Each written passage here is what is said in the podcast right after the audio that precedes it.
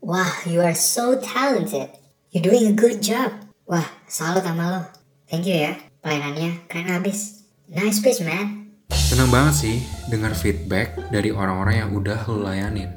Hmm, emang gak bisa dipungkiri sih. Pasti bangga juga dengan pencapaian itu. Eits, tunggu dulu. Jangan terlena dengan itu semua. Di Matius 7 ayat 22 bilang, Pada hari terakhir, banyak orang bilang ke Tuhan, Tuhan aku sudah melakukan sesuatu bagi namamu, dan mengusir setan demi namamu, dan mengadakan banyak mukjizat demi namamu juga. Di ayat 23, Tuhan jawab, Aku tidak pernah mengenal kamu. Enyahlah dari hadapanku, kamu sekalian yang melakukan kejahatan. Wow, ternyata pelayanan lu di hadapan Tuhan bukan berasal dari diri lu sendiri, tetapi seturut dengan kehendak Tuhan. So, cari dulu kehendaknya, apa yang sebenarnya Tuhan maui, dan lakukanlah itu seturut dengan kehendaknya.